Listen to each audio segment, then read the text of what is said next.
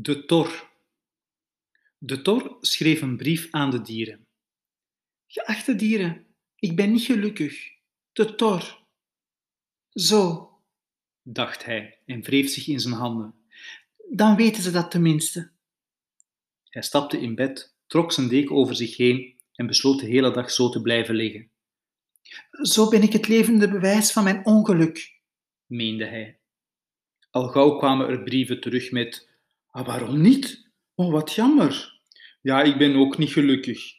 Ik ben wel gelukkig. Vind je het erg? Dank je wel voor de mededeling. Ik, ik was gisteren niet gelukkig. Vandaag gaat het wel weer. En hartelijke groeten. Die laatste brief was van de egel. Aan het eind van de middag stapte de tor uit bed, legde de brieven op een stapel en las ze allemaal. Hij had nog nooit zoveel post gehad. Wat bijzonder om niet gelukkig te zijn, dacht hij. Hij kneep zijn ogen dicht.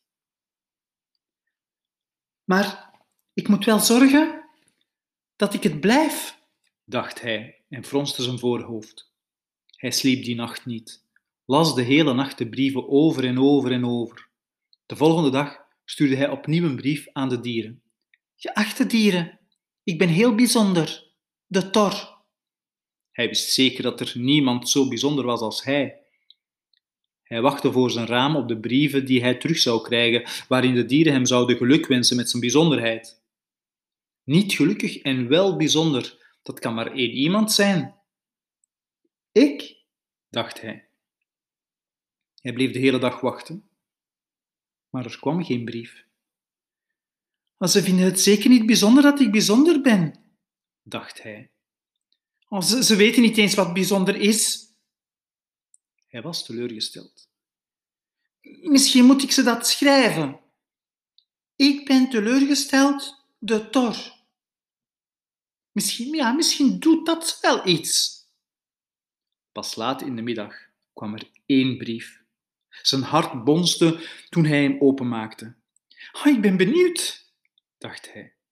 Het was een brief van de egel. Geachte Tor, opnieuw hartelijke groeten, de egel. De Tor legde de brief naast zich neer, at peinzend een gestoofd eikenblad en viel in slaap.